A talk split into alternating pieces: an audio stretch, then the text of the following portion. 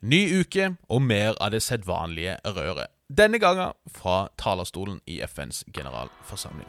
Vi skal dessuten få høre på Nick ta oss med på en reise inn i det veldig viktige tyske valget. Dette er Hva skjer med verden?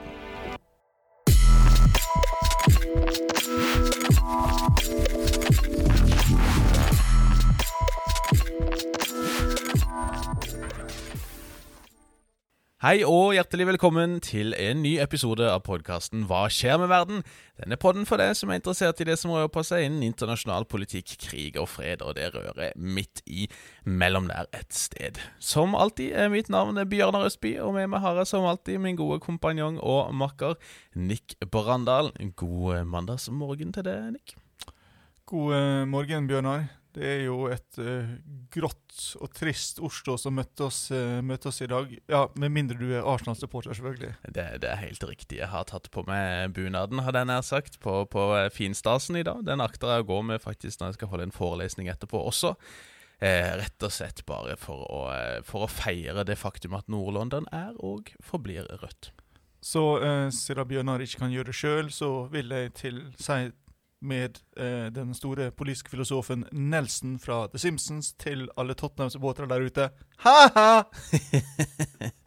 helt riktig. Helt riktig. Det er deilig. United tapte òg, så det er i det hele tatt en, en, en, fin, en fin, eh, start på uka. En, en, seier for alt det gode i, i verden, Nick. Ja, og eh, til alle dere som eh, nå sitter og skriver sinte e-poster til redaksjonen. Det hjelper ikke. Nei, det, det It only fuels us. Um, vi, uh, vi, skal ta for oss litt, litt forskjellige greier, men vi, vi, koster på oss litt, grann, uh, litt grann mindre seriøst stoff helt i starten. Og da må vi jo starte med å, å nevne at uh, Uh, I USA så har House of Representatives forskjellige sånne komiteer om forskjellige greier. Blant annet en Committee on Foreign Affairs. Og i morgen så kan denne komiteen invitere til en høring som heter Understanding the Conflict in Africa. Uh, så vi ønsker jo lykke til med å forklare denne konflikten i dette, dette lille landet Afrika, med dets uh, ca. 54-55 kommuner, og håper at at uh, medlemmene av den uh, amerikanske kommunen USA finner greit ut av dette her.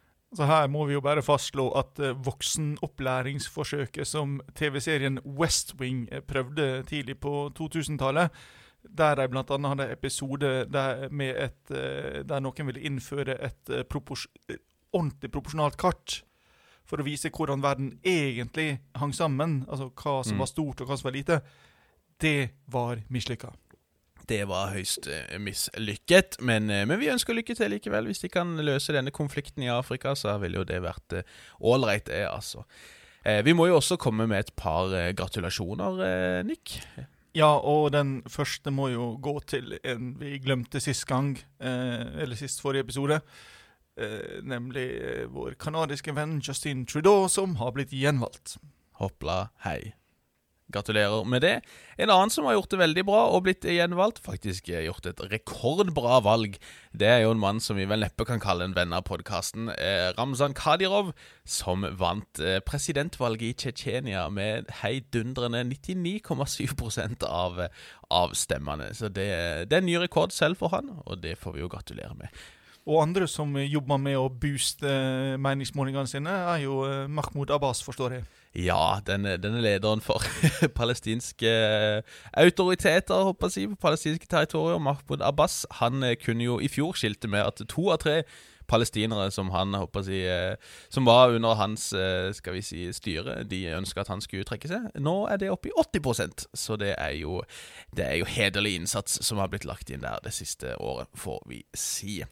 Og så får vi gratulere Norge med gjenåpninga. Og eh, jeg så eh, enkelte dørvakter sammenligna det med andre verdenskrig. Jeg vet ikke helt om eh, eh, eh jeg ville gått den veien. Men eh, sydenstemning tror jeg vi kan kalle det. Ja, som, eh, som, de sier, hvorfor more seg ute når man kan mure seg inne, spør du meg. Men det er ingen som spør meg, og det er greit. Eh, vi, eh, vi går videre til en litt mer seriøs del, skal vi ikke det, Nick? Vi går til vår ukentlige roundup.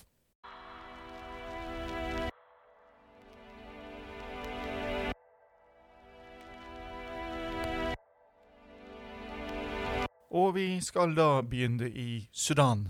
Ja, vi skal det. Um, det kom rapporter sist uke, egentlig Jeg tror det var nesten rett etter vi hadde spilt inn eh, episoden vår, om at uh, myndighetene i Sudan hadde avverga et kuppforsøk. Uh, i, I Sudan så har de jo sittet et slags sånn interimstyre som kalles Det suverene råd, eller Sovereign Council, som da har på en måte holdt tak i denne overgangen til sivilt styre etter Bashir ble, ble, felt for noen år tilbake, i 2019. Og eh, ifølge disse myndighetene så avverga de et kuppforsøk som de mente da stamma fra Bashir-lojalister, altså folk fra, fra hans eh, krets som prøvde å nærmest ta tilbake makta på hans vegne. Eh, de sier at de har arrestert 21 offiserer og et antall eh, Eh, soldater, uten at det er blitt mer spesifisert. Det er jo vanskelig å på en måte etterprøve disse tingene, da, men, men de største mediehusene har i hvert fall rapportert det. Eh, det høres ut som man har greid å unngå dette her, men, men det går jo bare inn i, i, en voksende rekke av kupp på det afrikanske kontinent, som vi har eh, snakka mye om de siste uh, ukene og månedene. Det som uh, jo har skjedd denne uka Altså, jeg vet ikke Man kan jo spørre seg er dette nyhetsverdig. At generalforsamlinga har møttes, alle står der og prater piss foran en halvfull sal, men, men det er nå en arena hvor eh, en rekke profilerte politiske ledere får stå og, og pumpe på med litt eh, propaganda, litt fyrverkeri. Man kan rive opp FN-pakten, sånn som Gaddafi gjorde, f.eks. Man kan prøve seg på mye forskjellig. Og vi må jo nesten gå gjennom litt hva som har skjedd fra talerstolen i FNs generalforsamling i New York. Nick. Ja, men før vi kommer så langt, så må vi jo ta med det mest interessante, nemlig at statsledere er nøyaktig sånn som alle oss andre når de fikk muligheter til å reise utenlands, så tok de den. Og her gjorde de det uansett om de var vaksinerte eller ikke, ja. jf. Uh, Brasils president Bolsonaro. Mm. Og selv om USA hadde sagt at uh, vær hjemme hvis dere kan, det går an å ta dette her over Zoom. Mm. Men vi andre som har tilbrakt et år på Zoom og ikke har fått reist utenlands, vi forstår dere. Ja, selv om det er mange andre steder jeg heller ville vært enn i den salen der, for å si det sånn. Men vi kan jo starte på den litt seriøse kanten med generalsekretær Antonio Guterres. Han skal sitte en ny periode nå på fem år, og eh, innleder jo ballet med det som vel må kunne sies å være en slags tordentale, i hvert fall etter hans eh, standard, der han eh, Jeg skal ikke si han skjelte ut forsamlingen etter noter, men han, han var veldig kritisk. Han sa at vi eh, må våkne, for nå står verden på kanten til avgrunnen. Eh, vi er altfor dårlige på klima, vi er altfor dårlige på vaksiner. Eh, we face a moment of truth. Now is the time to deliver. Now is the time to restore trust. Now is the time to inspire hope. Og han hadde håp, sa han, men han var også opprørt, spesielt over disse bildene av eh, millioner av vaksiner håper jeg, som går i dunken fordi de ikke brukes i Vesten og ikke distribueres ellers. Vi får en F i etikk, sa han. Vi har vært flinke som har greid å utvikle vaksiner på kort varsel, men vi får en strykkarakter i etikk. Ja, og dette kom jo samtidig som eh, WHOs nye politiske ambassadør på mange måter, eh, den tidligere britiske statsministeren Gordon Brown, kom ut med en, en rapport som sa at det vil koste ca. 70 milliarder euro, altså 700 milliarder kroner, mm. roughly, å vaksinere hele verden. Mm. Og det er bare en brøkdel av det det vil koste verdensøkonomien dersom denne pandemien fortsetter i, i mange år til. Ja. Og, og, samtidig så vet vi også at det har blitt produsert nok vaksine internasjonalt til å vaksinere hele verden. Mm. Men de blir altså ikke distribuert, de blir kjøpt opp, de får gå ut på dato, som du sier, og må mm. kastes i all verdens rike land. Og dette her er ja, det, er ikke, det, det er skammelig, verken mer eller mindre. Intet, intet, mer, intet mindre. Det var også en tordentale på dette her fra Barbados sin statsminister, Matley, tror jeg hun heter. Eh, som også var opptatt av det her med å slutte å prate piss og faktisk eh, distribuere disse vaksinene på en rettferdig måte. Og Et viktig poeng bare om å nevne her, det er at nå, nå, skal vi liksom drive og gratulere vestlige myndigheter fordi at de donerer vaksinene. Men altså, afrikanske stater har jo lagd massevis av planer for å kjøpe disse vaksinene. Det, er det eneste de ber om, er å være en likeverdig spiller på det markedet, men det har de ikke fått lov til å være. Og så skal de liksom på patroniserende vis da bare bli tildelt disse vaksinene som liksom en, en, en gest av godhet. Det, det er ikke det man ber om, og, og det er rett og slett ganske pinlig, hele, hele greia. Og I tillegg så kommer disse donasjonene tilfeldig, stykkevis og delt, Ja. og det gjør det fullstendig umulig å planlegge et vaksinasjonsprogram i eh, en del av verden der du faktisk trenger å planlegge litt på forhånd, fordi Mm. det er ikke en infrastruktur f.eks. For, for å ha frysekapasitet Mm. på eh, Moderna og eh, Eller Spikewax, som det nå heter. Ja. Eh, Men samtidig så er det en del fordommer også. Altså, mange afrikanske stater har masse rutiner på massevaksinasjon veldig raskt, med millioner av mennesker som blir vaksinert på kort tid. Så, så det er en del kapasitet der, og det ser du også hvis du, hvis du reiste rundt litt i startfasen av covid. Afrikanske stater tok dette langt mer på alvor enn det man gjorde på Heathrow eller i Brussel eller andre steder. Langt ut i pandemien også. Så kom det jo i miljødelen av dette her en interessant nyhet i forrige uke. Nemlig at et eh, antall oljeselskap har gått til søksmål mot en lang rekke stater. Norge er interessant nok ikke en av dem. Mm. Fordi de har innført miljøtiltak som går ut over inntjeninga deres.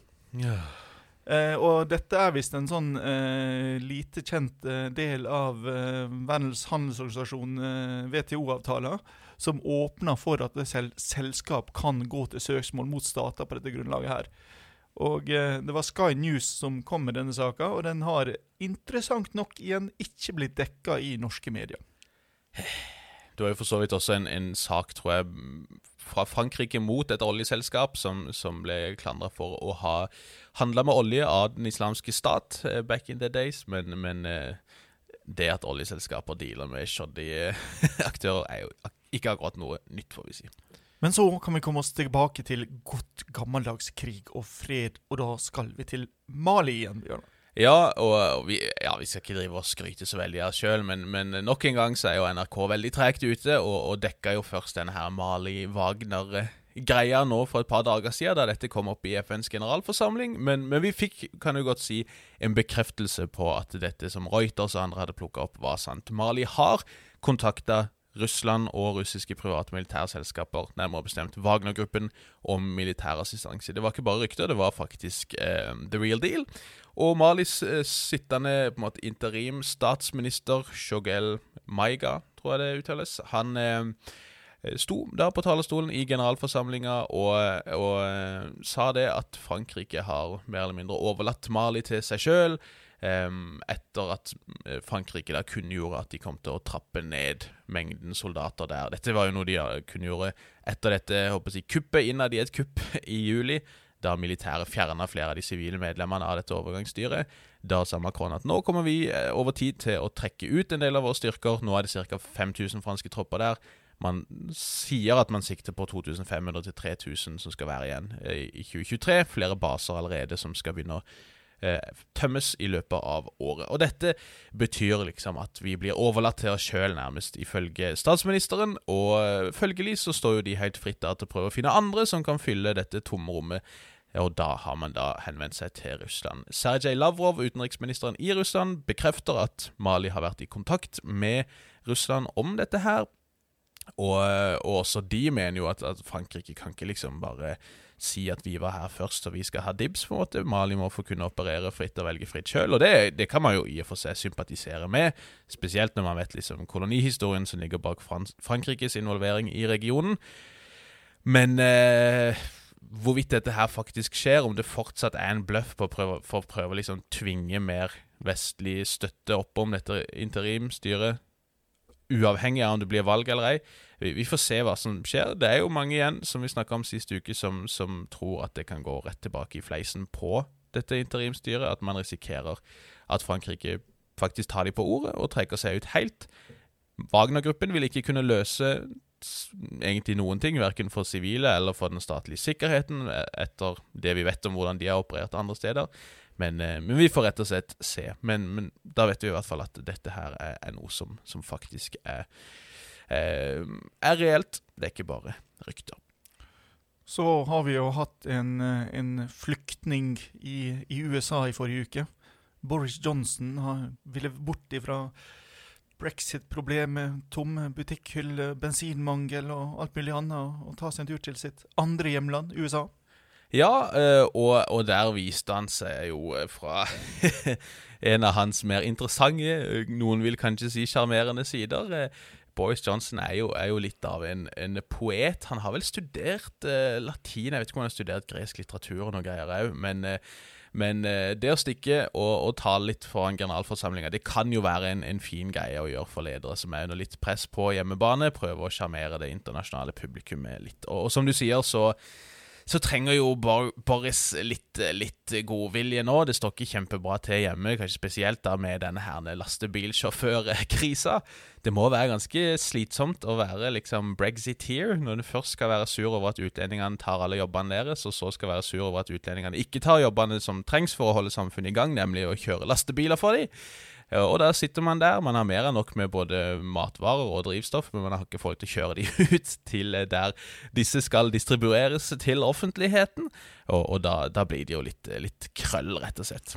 Og så er det kanskje en litt sånn krisehåndteringsgreie å ikke understreke at folk ikke må hamstre fordi det ikke er krise. For guds skyld, det er ikke krise. Dere må ikke hamstre. Hva tror du da folk gjør? Yes. Og det gjelder for nordmenn så vel som briter, det, altså. Um, men, uh, men uh, Boris sto jo der da og skulle faktisk rett og slett snakke litt om klima og sånt. Han skal jo vel uh, lede en slags klimakonferanse som skal avholdes i Glasgow i oktober, tror jeg. Eh, og han måtte jo for så vidt innrømme at hvis du, hvis du går tilbake i tid og, og, liksom googler litt ting jeg har sagt om klima, så vil du jo kanskje se ting som ikke var helt bra, men jeg var ikke like opplyst da som jeg er nå. Og han innrømte jo egentlig at han har vært en slags sånn klima, skal vi si, skeptiker eller nekter tidligere, men, eh, men eh, ønsker nå i hvert fall fremstå som en som tar det litt mer på alvor. Og i denne forbindelse, da, så eh, greide han jo å, å name-droppe mange forskjellige karakterer. Litt, litt gamle greske myter og, og, fortellinger om Sofokles og Prometheus. Eh, men, men, det toppa seg jo da han eh, eh droppa litt, litt eh, poetiske strofer fra den kjente poeten eh, Kermit the Frog, som sa 'It ain't easy being green'. Men tvert imot, ifølge Boris Johnson, så er det ganske lett. Det er lønnsomt, det er fornuftig, det er ikke så vanskelig å være grønn når alt kommer til alt. Så la oss bare gjøre det sammen. Vi må velge Han viste jo til noen sånne gamle greske menneske, eller ideer om mennesker og, og, liksom storhet og sånt, da, og si at nå må vi bare velge hvilken type awesome vi ønsker å være i, i fremtida i møte med den problematikken. Men la oss ikke gjøre det så vanskelig. Så skulle jo Boris, mens han var i New York, også uh, dyrke litt mer denne uh, rolla si som uh, arbeiderklassens beste venn. Han skulle nemlig snakke storkapitalismen uh, ansikt til ansikt i form av Jeff Bezos. Ja. Og han skulle fortelle at nå er det på tide at også Amazon Det er fint at Amazon hjelper Amazon, som i regnskogen, men dere må også betale deres rettferdige andel av skatt. Jeff Bezos stilte opp på møtet aldri slitt forsinka, som gjorde at Boris Johnson måtte stå der og vente. Mm. Og det gikk ikke bedre deretter. Da han forsiktig tok opp dette her med skatt og betaling og sånt, så svarte Bezos at ja, vi betaler det dere sier vi skal betale, og ikke et øre mer. Og Boris Johnson, etter å ha fått den leksjonen i økonomi, sa at ja vel, OK, jeg prøvde. uh, ja. Jeff Bezos der, altså. Eh, apropos 700 milliarder for å vaksinere hele verdens befolkning. Men eh, OK. Eh, vi, vi, har jo hatt litt, litt storpolitikk der på talerstolen òg, kan vi si. Litt sånn Ja, jeg har skrevet i manuset her litt sånn subtil kniving mellom USA og Kina. Både Biden og Xi Jinping var jo på talerstolen der. Ingen av de liksom snakka veldig sånn eksplisitt om, om, USA eller om Kina eller om Beijing, selv om det var ganske åpenbart at begge to snakka om hverandre mer implisitt. Um, Biden han snakka jo til dels om um, evakueringa, håper jeg å si, uh, raust sagt, fra, fra Afghanistan, uh, men sa at uh, ved å gjøre det, så, så slutter vi en æra prega av relentless war, og vi starter en ny æra som skal være prega av relentless diplomacy. Og han understreka igjen viktigheten av allianser og en, en type regelstyrt verdensorden rundt weiter. Um, Xi han har på sin side kommet med et aldri så lite klimaløfte, om du vil, og, og, sagt at Kina kommer ikke til å støtte opp om eller bidra til utbygging av kullkraftverk internasjonalt, som de typisk har vært forplikta til og, og har gjort mye av tidligere, og det er jo for så vidt en god ting. Um, og så var det en del, en del sånn ja, litt mer subtil uh, dissing av hverandre. Biden snakka jo litt om situasjonen til uigurene. Um, Kina snakka litt om uh, hvordan man igjen ser farene med militære intervensjoner og bla, bla, bla. Men, men, liksom, mye av det vanlige, egentlig. Tale til sitt eget publikum, ikke til så mange andre, og så er det liksom, ja, same old, same old. Så nytta jo Biden sjansen mens verdenslederne var i uh, USA, til å holde det første møtet i denne Quad-alliansen. eh, forsvarsalliansen i eh, Sør-Kina-havet, i og for seg. til sterke kinesiske protester. litt uklart hva det handla om, fordi språket var jo stort sett sånn vi fred og sikkerhet og, og respekt for internasjonale lover eh, på, på, sjøen. Eh, mm. I tillegg til enighet om årlige møter og samarbeid om vaksine, energi og romfart. Mm. Men eh, ja. Kina likte ikke dette her. Nei, det er jo da altså USA, Australia, Japan og India, er ikke det? Mm. Ja. Ja, altså det, det, det, viktigste, så klart, eh, som flere internasjonale mediehus beit seg merke i, det er jo denne strømmekrigen, ikke sant. Dette her, eh, Disse talene de legges jo ut på eh, YouTube, og der kan man jo få en oversikt over hvor mange mennesker som har strømma disse forskjellige talene.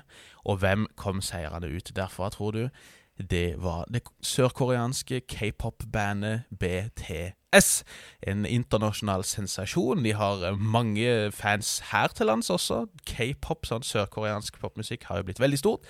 Og dette boybandet de gir seg ikke med å være en musikalsk hit. De har faktisk fått et verv som eh, offentlige diplomater, mer eller mindre, som presidentens egne utsendinger til offentlige diplomatiske events rundt omkring i verden.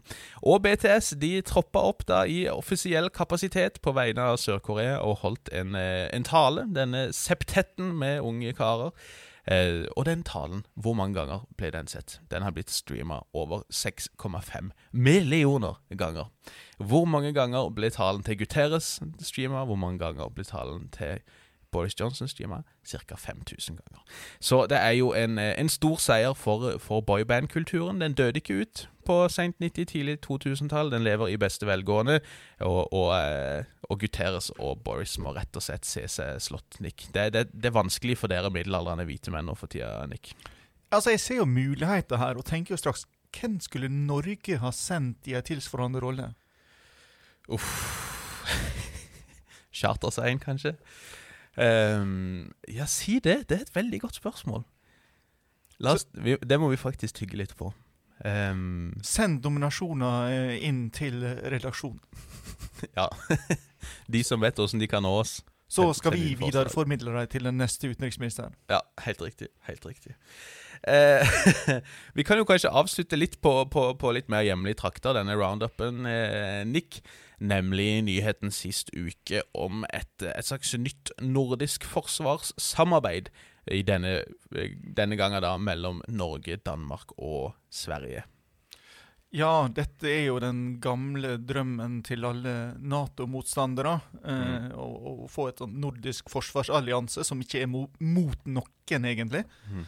Um, Bare kumbaya oss, oss ja, imellom? Ja, altså, det er jo en uh, allianse som ikke, som ikke har en mening, men det er noe, en, en, helt annen ting. Mm. Eh, så har det jo alltid vært nordisk forsvarssamarbeid, men, men, det har jo vært litt vanskelig fordi de andre ikke har så lyst til å kjøpe svensk eh, våpenteknologi. Mm -hmm. Fordi den passer ikke så veldig godt inn i Nato-samarbeidet. Ja. Eh, og vi husker jo og nå er ikke sikkert dette er en dårlig ting, men de svenske flyene som skulle være med i Libya for et eh, ti år siden, ble jo stående i mange dager fordi de ikke kunne bruke bensinen til de andre.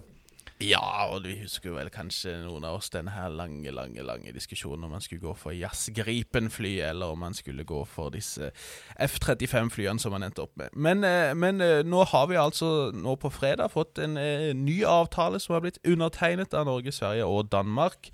Eh, om en, et militært samarbeid som ifølge forsvarsminister Frank Bakke-Jensen handler om informasjonsutveksling, felles planarbeid og operasjonelt samarbeid eh, mer generelt, da. Eh, så skal det sies at det allerede er en avtale mellom Norge, Sverige og Finland om liksom grenseområdene i nord, om denne Nordkalotten. Mens den nye avtalen da handler jo tilsynelatende om regionen, eller altså farvannene egentlig, rundt Baltikum. Eh, avtalen skal da liksom handle om Sør-Skandinavia, Kattegat, Østersjøen og Nordsjøen, men, men ut ifra svenske uttalelser så virker det jo som det er mer på en måte vis-à-vis Baltikum og en potensiell russisk trussel i den retninga, at, at, dette her ses for å være et poeng. Og, og som du har antydet allerede, verken Sverige eller Finland er med i Nato. Dette er jo på en måte en, en måte for Norge også å orientere seg mot de, men samtidig så har både Sverige og Finland etter hvert fordypa sine forsvarssamarbeid med USA, uavhengig av Nato. Så liksom, vi skal ikke overdrive hvor nytt dette her er, hvor, hvor liksom fritt man står vis-à-vis verken Nato eller USA. Og, og, jeg ser jo, sånn som Sverre Disen, for eksempel, tidligere forsvarssjef og general, er jo ute og, og melder litt. Som hadde en kronikk i Dagbladet, blant annet, der han sa at et sånt forsvarssamarbeid er ikke egentlig noe annet enn eh, en, en liksom sikkerhetspolitisk gunstig tilrettelegging for amerikansk hjelp. Så, så har vi samtidig sett en auka russisk aktivitet i Baltikum i de siste åra. Mm. Eh, som nok ikke blir direkte oppfatta som truende mot Norge. Men det kom en rapport i forrige uke om at eh, det har Russland, eller noen i Russland, har begynt å eh, teste ut manipulering av skipsruter. Eller rett og slett seilingsrutene til marinefartøy fra de nordiske landene. Mm. Det, I kort versjon så har da båter som beviselig står på land for for reparasjoner, blitt fanga opp eh, i disse her elektroniske kartene som at de har kryssa inn i russisk farvann. Ja, og om eh, hva som er bakgrunnen her, om dette er noe som eh, russisk etterretning eller andre tester ut, altså hvordan de kan manipulere, Eh, om det er for å kunne bruke dette her til å snakke om at det, det har skjedd provokasjoner. Eh, det har ikke de gjort til nå, de har ikke kommentert det offentlig i det hele tatt. Mm. Eller om det rett og slett bare er en sånn avansert trolling, altså å skape forvirring om hva de egentlig holder på med med dette her, uten at de egentlig har et veldig klart formål. Det, det vet vi jo ikke. Men, eh, du, men altså dette kan nok være en del av bakgrunnen for at man ønsker mer informasjonsutveksling, mm. og at det blir et sterkere fokus fra de nordiske landene mot Baltikum. Ja. For det er et område der USA ikke nødvendigvis har like sterke interesser som de har for nordområdet. Mm, mm. Nei, og Frykten har jo vært hvis, hvis russerne skulle liksom eh, tatt tatt for seg mer med Hviterussland og sånn, så kan man jo avskjære Baltikum fra resten av Nato, more or less, men å ha en forsvarsallianse der vil jo, vil jo, kunne løse opp i det eventuelt. Eh, og, og Både Sverige og Finland har jo rusta opp litt i senere år, spesielt Finland, så dette er jo noe de, de for så vidt tar på alvor. og Man kan jo kanskje skjønne at, at de også føler seg litt mer utsatt enn en Norge her, både geografisk og, og historisk sett, for så vidt. Eh, jeg tror vi runder av vår roundup der, og så eh, skal vi snakke litt om Tyskland og valget der i vår siste temabolk.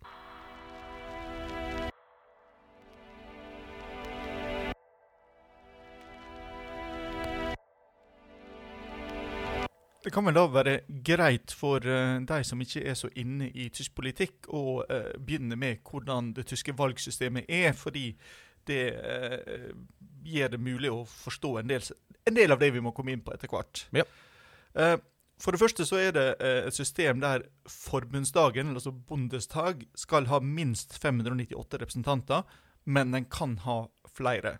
Og etter valget i går så har det blitt rekordhøyt tall på representanter, nemlig 735. Så, så skal halvparten av disse velges fra direkte kandidater fra 299 valgkretser, mens halvparten blir valgt fra delstatslister til partiene. Altså Velgerne skal avgi to stemmer, eh, og kandidatene har to muligheter til å bli valgt. Første stemmer går til å velge kandidat fra valgkretsen, og andre stemmer går til å part velge parti fra delstaten. Så har de ei sperregrense på eh, 5 og en slags eh, utjamningsmandat eh, lignende ikke, helt, ikke lik, men på samme måte som vi har i Norge. Samtidig så har vi ett unntak fra denne sperregrensa, nemlig det danske minoritetspartiet i delstaten Schleswig-Holstein, yes. som da er unntatt. Og, og, det fikk faktisk eh, virkning eh, denne gangen, fordi de kom inn med ett mandat.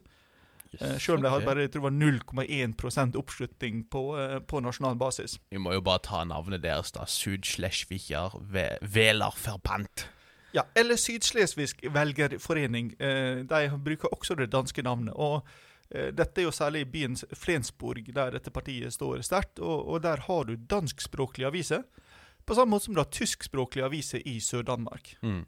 Så eh, sant, dette er en grense som har flytta fram og tilbake eh, flere ganger. Mm. Eh, Så det er jo et av disse interessante områdene i Europa som vi ikke alltid tenker på. Mm.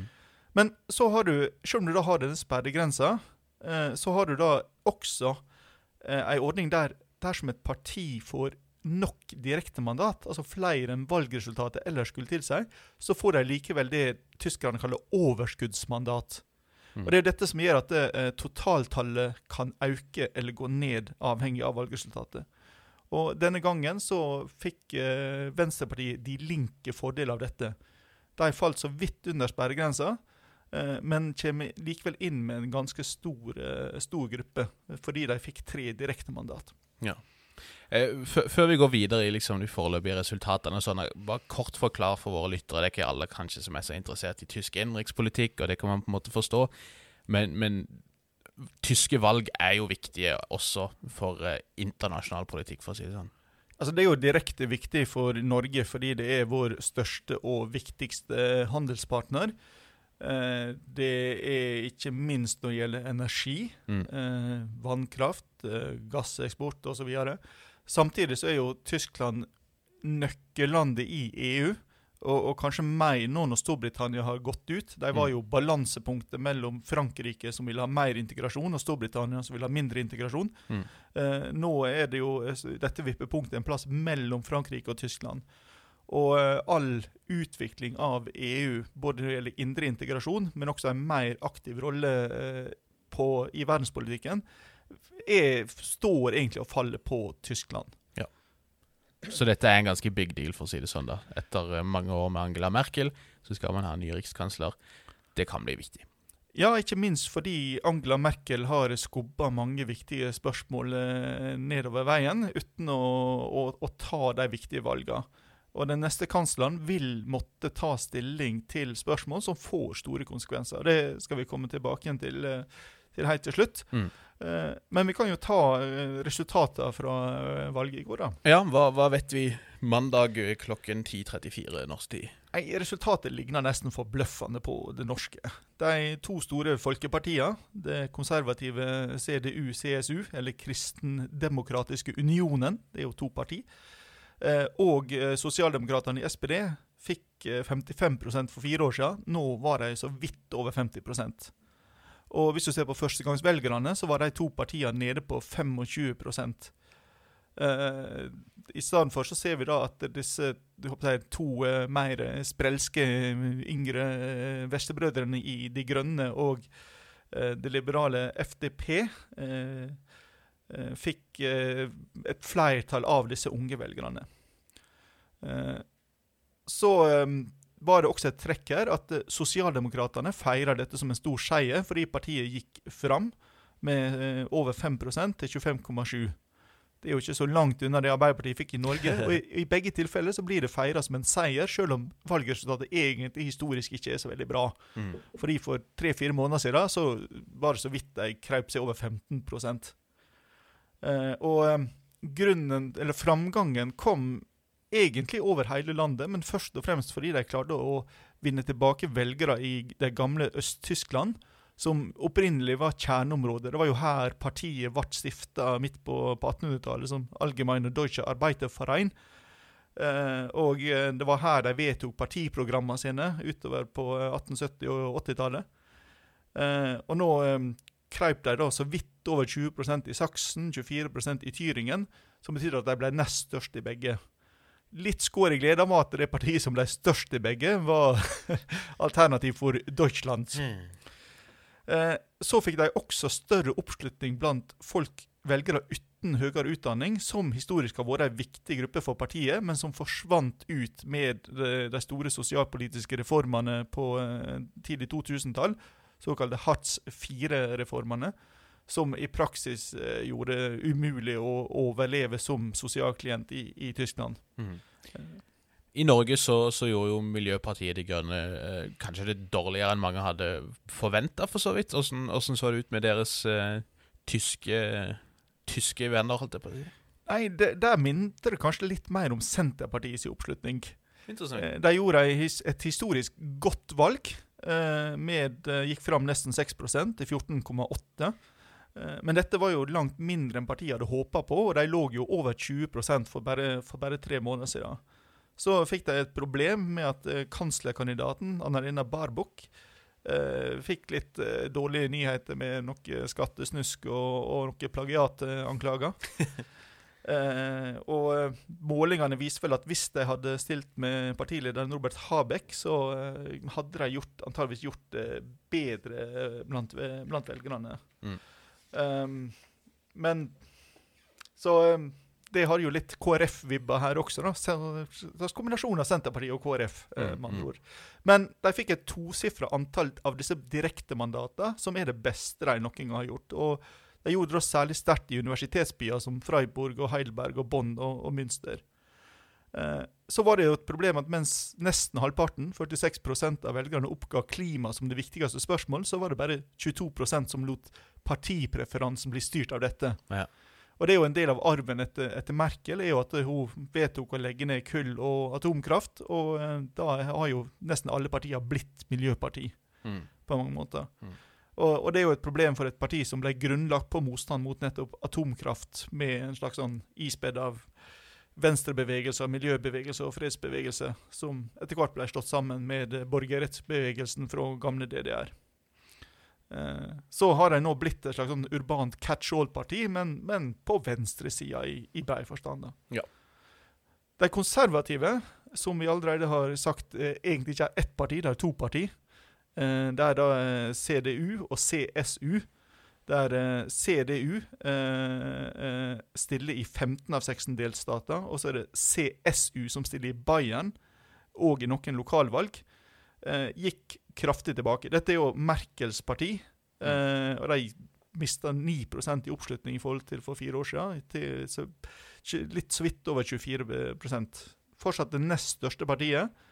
Men dette er, ja, dette er et katastrofevalg. Eh, og tilbakegangen blir i tyske medier fortolka som en kombinasjon av en Merkel-effekt, eller fravær av Merkel-effekt, og at uh, den nye kanslerkandidaten Amin Laschet dumma seg kraftig ut under flomkatastrofen i sommer. Mhm. På en minne, sånn minneseremoni så ble han filma mens han eh, sto og lo og så på mobiltelefonen sin og litt sånn der. Det, seg så, ja. Og der er generelt lite entusiasme for partiet. 71% av velgerne oppga at de- stemte på partiet for å unngå en venstrekoalisjon. Eh, Så, så har vi allerede nevnt eh, FDP, eller Freie Demokratische Partei, og Alternativ for Deutschland, som ble omtrent jevnstore, med henholdsvis 11,5 og 10,3 prosent. For eh, AFD så var dette en tilbakegang, mens for FDP så var det en sånn liten framgang. Eh, FDP kan vel best sammenlignes med Venstre i Norge. Det er et slags sånn uh, klassisk liberalt uh, europeisk parti for protestantisk middel- og overklasse. Og det ser vel ut som om de antageligvis vil gå inn i en regjeringskoalisjon, men det skal vi komme tilbake til. For AFD så gikk de altså tilbake, men hvis du ser på oppslutninga, så de, ble de da det største partiet igjen i saksen, der de også fikk 10 av 16 direktemandat, som er bedre enn de gjorde for fire år siden, selv om da oppslutninga gikk tilbake. Mm. Og de ble for det første gang det største partiet i Tyringen, med Mm. 24% oppslutning. Og AFD det er jo da et parti hardt ute på høyrevingen, for å si det sånn. Ja, altså De starta jo som et parti mot euro, som ville gjeninnføre D-mark, som etter hvert ble overtatt av eh, mer eh, ja, en, enda mer eh, ute på ytre høyre, mørkebrune snarere eh, hjørne. Ja, Så har vi allerede nevnt partiet De Linke, som kom under sperregrensa denne gangen, men som da ble redda av at de vant tre direktemandat. Og De tre direktemandatene kom, ikke tilfeldig, i områder der eh, det bor veldig mange som i sin tid hadde jobb i Stasi.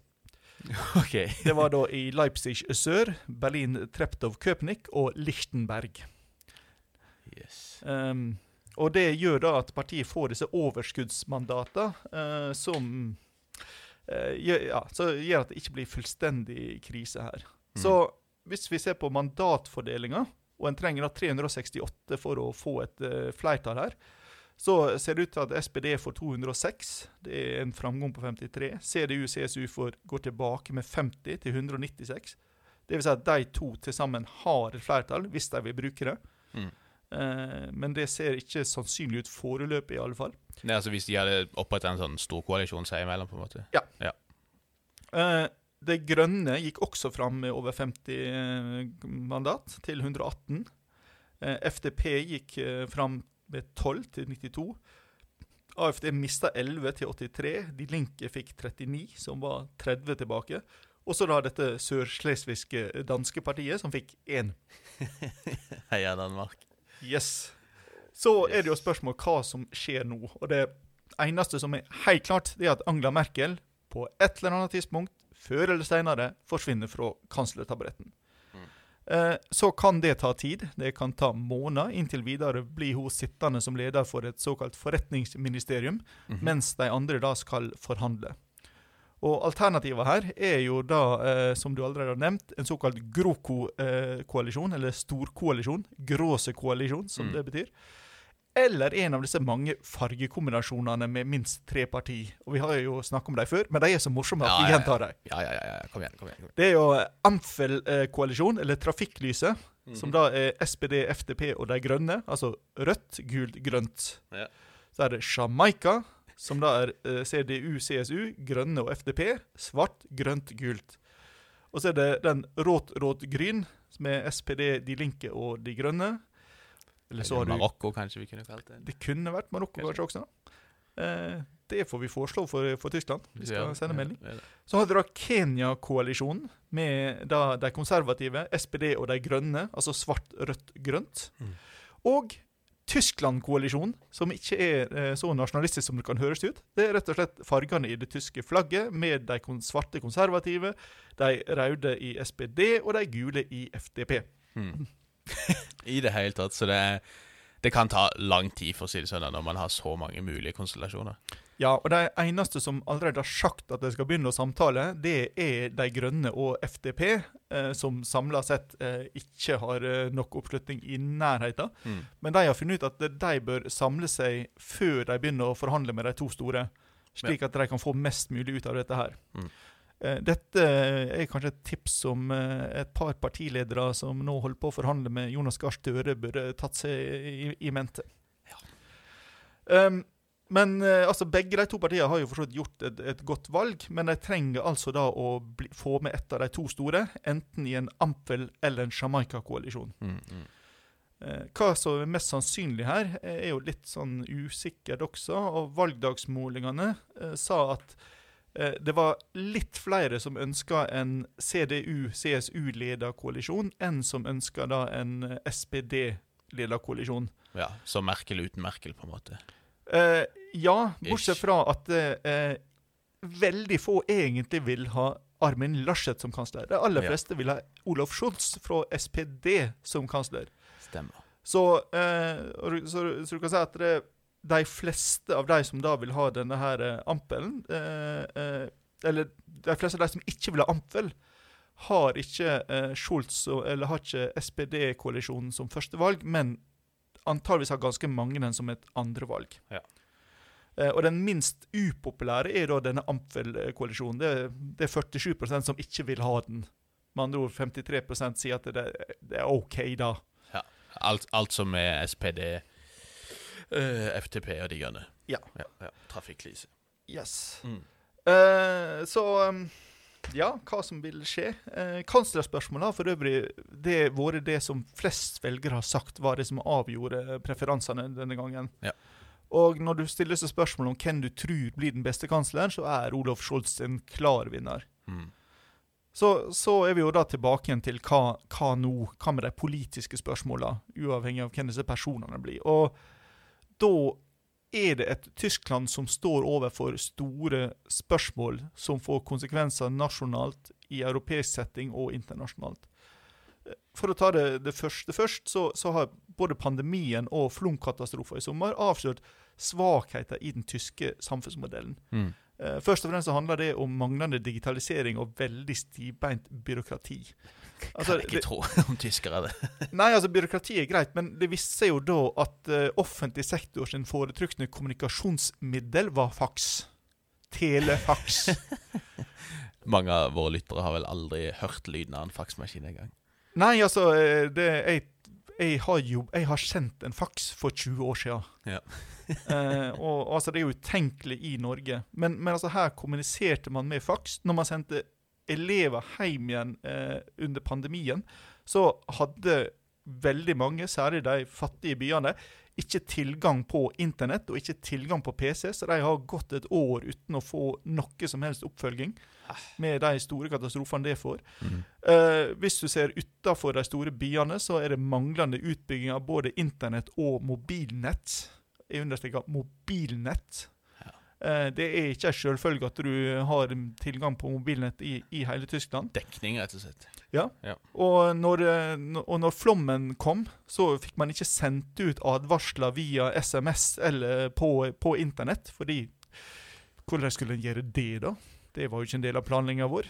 Hvis du ikke har ei faksmaskin hjemme, så sorry. Yes. Så altså det, det er disse store spørsmålene. Altså, det er manglende offentlige investeringer som har ført til forfall for skolebygninger, bruer, veier, jernbane. Altså, det er et etterslep som er helt enormt. Uh, vi har allerede snakka om dette behovet for å bygge ut mobil og internett. Uh, og i det hele tatt så må en vekk ifra denne sparepolitikken til, til Merkel, som har Mm. kutta ned på offentlig forbruk, som betyr at man har fått ufaglærte lærere, man har sagt opp uh, sykepleiere og hjelpepleiere og osv. Mm.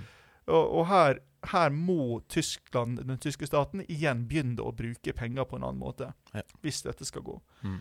Uh, Så har de jo behovet for dette grønne skiftet, men da har jo Merkel da eh, ikke tatt stilling til hvordan en skal kombinere miljøvern med denne tungindustrien som den tyske økonomien er så avhengig av. Mm. Og samtidig hvordan en skal sørge for nok energiforsyning til både næringsliv og til private til en akseptabel pris, dersom en ikke skal ha kull- og atomkraftverk. Og En del av dette handler jo om gass. En del, vi har jo snakka om Nord Stream 2-rødledninga. Favorittledning. Eh, en del av dette handler om strømkabler til Norge. Mm. Eh, en del av dette handler om fornybar energi. Men eh, særlig denne Nord Stream 2 stiller jo da et spørsmål om sikkerhetspolitikken her, og, og tryggheten i, i forsyninga. Ja. Og, og da har vi jo over i et annet stort spørsmål, nemlig hvordan Tyskland skal stille seg innenfor EU når det gjelder eh, det fransk-tyske samarbeidet, videre integrasjon, EU sine globale ambisjoner, ikke minst da i forhold til Russland, USA og Kina. Mm. Og, og svarene som da den neste regjeringa den neste kansleren vil måtte komme med på disse spørsmålene, vil få store konsekvenser.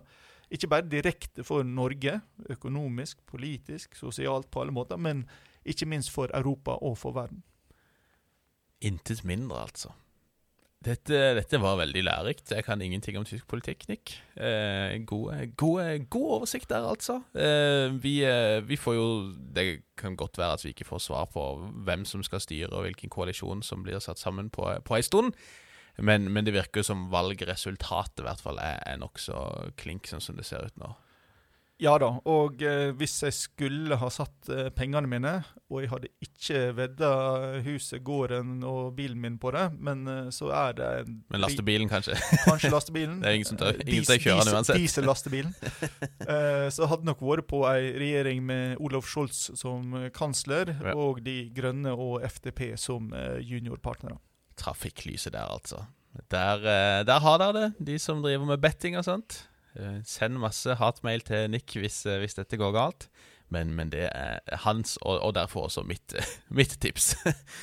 um, jeg tror vi skal gå inn for landing der. Eh, takk til alle våre kjære lyttere som, som følger med og, og lytter til oss. Det setter vi pris på. Spre gjerne ordet videre. Vi kan ikke si at det er et, det glade budskap, men det er nå i hvert fall et, et aldri så lite budskap der.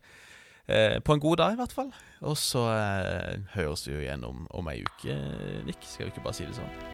Det gir vi, Bjørnar. Takk, ja. takk, skal du ha. Takk skal du ha også. Og takk til alle som har hørt på. Vi snakkes igjen veldig snart.